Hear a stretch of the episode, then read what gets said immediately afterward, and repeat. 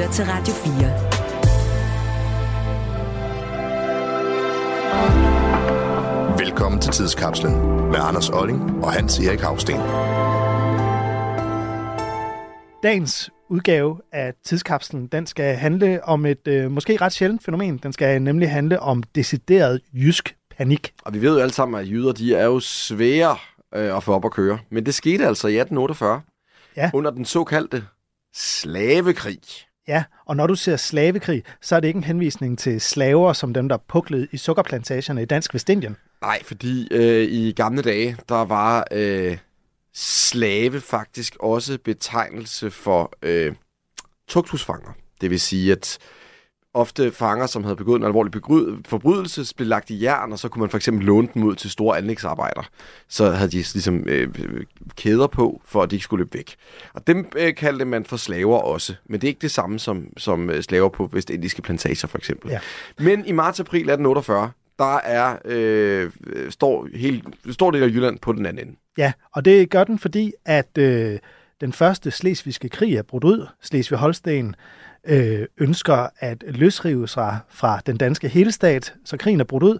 Og så opstår der et rygte i Jylland om, at man i Randsborg, den her grænsefæstningsby, øh, der har man løsladt en masse af de her slaver eller tugthusfanger, som så har begivet sig ud på sådan et pløndringstogt mod nord. Og man mener også, at man har gjort det samme fra et tugthus i Glyksborg. Så man forestiller sig altså i Jylland, at der er hundredvis, altså mordere, forbrydere osv., som bare drøner rundt, sætter ild til gårde, pløndrer, haver, myrder. Og det, jo, det sker jo tit, det så man jo også under den franske revolution, for eksempel i 1789, det der hed Den Store Frygt, La Grande Peur, altså hvor at øh, store dele af befolkningen simpelthen går i panik, fordi de hører rygter om, at der sker noget dramatisk. Og det er jo det her i, i, i, i kan sige, samfund, hvor kommunikationsmidlerne ikke er så veludviklet som i dag, der løber rygterne jo ofte hurtigt, og derfor øh, har man altså set tendenser til ret stor panik. Øh, og det er altså også det, der er tilfældet øh, på det her tidspunkt, for det er jo et revolutionsår i 1848 i hele Europa, så følelserne er lidt ude på tøjet. På tøjet. Ja. Og, og rundt omkring, der skynder folk sig at producere mere eller mindre hjemmestrikkede våben, man kan forsvare sig med. Øh, smedene, de har travlt ved deres esser. Øh, der bliver etableret vagtsystemer, kirketårne bruges som udkigsposter. Men man øh, gør klar til at tænde de her bagner, Altså de her bål op på topper af, toppen af bakker. Du måske kender fra Lord of the Rings, hvor de tænder bagnerne for at tilkalde hjælp. Det, det er vist nok sidste gang i Danmarks historie, at de her, det her bagnevæsen det er blevet taget i brug. Nej, det er det ikke helt, øh, og det gjorde det også øh, under slaget om Als i 1864, var der også et bagnesystem, ah, der blev brugt. Men... Okay, I stand corrected. Men, øh, og der bliver faktisk også udgivet en pjæse, hvor man bliver anvist i, hvordan man kan bruge en læ som våben. Den her pjæse, den hed Forløbig anvisning til stridslægens rette brug blandt landbefolkningen, således som intelligente mænd. Her af mig er indøvet under overtilsyn og vejledning er her kaptajn Lacour, ridder af Dannebro, central skolens forstander samt direktør for gymnastikken.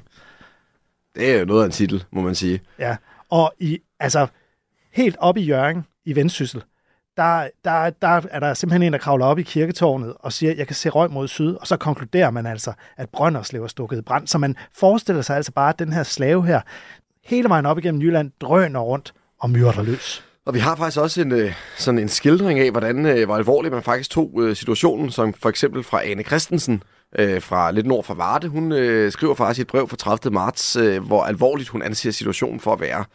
Hvad skal vi arme folk dog stille op, når disse flokke af røvere og mordere kommer? Nogle snakker om at grave sig ned i lunden. Og det, det er Krav Lund, som er en skov nord for Varde. Men hvad kan det nytte, når de brænder husene af? Kristen har været hos smeden i Ormbøl for at få noget til sig selv og andre at værve for sig med, men han fik ikke lovning på noget, da han havde så meget at gøre, at han ikke havde tid til mere, skønt da naboerne hjalp ham med at smide. Hvor herre fri os for den elendighed, der er over os. Okay, det er serious business, det her. Ja, eller det er det så faktisk ikke alligevel. For hele historien om den her slave her, der haver i Jylland, det er simpelthen en and. Det er ikke engang en fjer, der er blevet til fem høns, for der var ikke engang rigtig nogen fjer til at begynde med. Nej. Det er, det er simpelthen, øh, man, må, man må afblæse situationen. Ja. Alarm aflyst. Og øh, som øh, museumsmanden Søren Manø, som har skrevet en artikel i tidsskriftet fra Ribe Amt om den her slavekrig, som vi har bygget den her udsendelse på, så, øh, så, så kan man altså konkludere, den jyske slavekrig blev den mest mærkelige krig i vores lands historie. Fors, forsvar var der nok af, men fjenden manglede.